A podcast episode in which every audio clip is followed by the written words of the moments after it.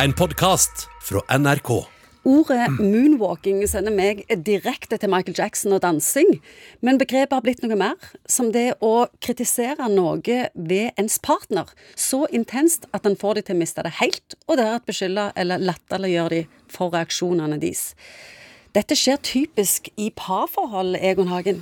Ja, men det kan òg skje faktisk på en arbeidsplass. Er ledere også som, som kan styre på på denne måten. Så nå minner om litt det der som vi har snakket om i en del andre programmer, nemlig manipulering og styring av andre folk med ganske utkrøpende teknikker. Ja, det blir kalt en sofistikert eh, overgrepsteknikk som kan minne om gaslighting. Er du enig i det? Ja, gaslighting er jo litt sånn eh, det ligger det jo det der å tåkelegge dine egne opplevelser og følelser. Og Her har du litt annen taktikk som handler mer om å undergrave din egen selvfølelse, at du kan noe med, med kritikk, og for så liksom å slå helt kontra og si her det var bare tull, eller du må tåle litt. Og, og du er overfølsom. Overfølsom, og må tar du alt i verste mening, osv. For det, det, det, de kaller dette med, med moonwalking, det er at du eh, du går noen skritt framover. Du skjeller, smeller, klandrer, kritiserer og sier fæle ting. Og så akkurat når det snapper for den andre, så tar du opp hendene og bare liksom 'Hallo, hva er det som skjer?' Du må ikke reagere sånn. Ja, eller Litt, 'shit happens', ja, eller sant, og ikke ta ting så alvorlig. Du overdriver, slapp av. Mm. Men det er, det er utkrøpende kritikker som ligger på ryggmargsnivå hos de som gjør det. De tenker ikke nødvendigvis at nå skal jeg liksom undergrave din selvfølelse eller få deg til å bli ganske mo i knærne i forhold til å ha tro på deg sjøl. Det er bare en ofte ofte er det folk som har blitt utsatt for mye av det samme sjøl, gjerne fra foreldre. Og så har du denne transport av smerte, eller transport av mellommenneskelige strategier som går fra en generasjon til en, til en annen generasjon. Så mange ganger så kan dette være en, en måte for vedkommende å få styring, kontroll, makt over andre mennesker. Det er sikkert sykt effektivt. Ja, det kan være sykt effektivt. Og så er jo mange også ganske flinke på å finne folk da, som, lar seg. som lar seg stå i den her, kan du si, jojo-greia, hvor du på en måte blir eh, kritisert for så liksom her, liksom, Noe må du tåle, osv.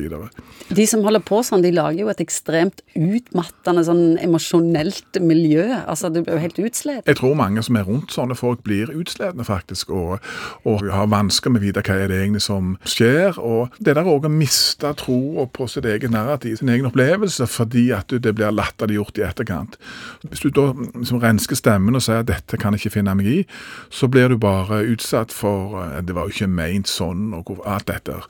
Og da er det jo vanvittig vanskelig. Og du, liksom, du har et, et psykologisk uhyre du driver og slåss med uten egentlig kunne feste grepet. For med en gang du prøver å, å, ta fatt i noe av det, av det, som er vanskelig, så får du bare en sånn ja, sleiv unna-manøver, og du bare hengende i løse lufta, og det blir ditt problem. Du som er så sårbar og alle kan legge ting bak deg, osv. osv.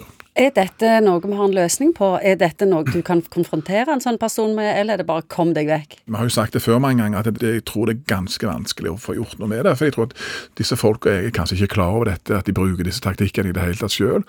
Og det er jo ikke ditt prosjekt. Altså jeg sier, Det er ikke mitt prosjekt å utvikle alle folk rundt meg. Jeg har truffet noen sånne folk, jeg.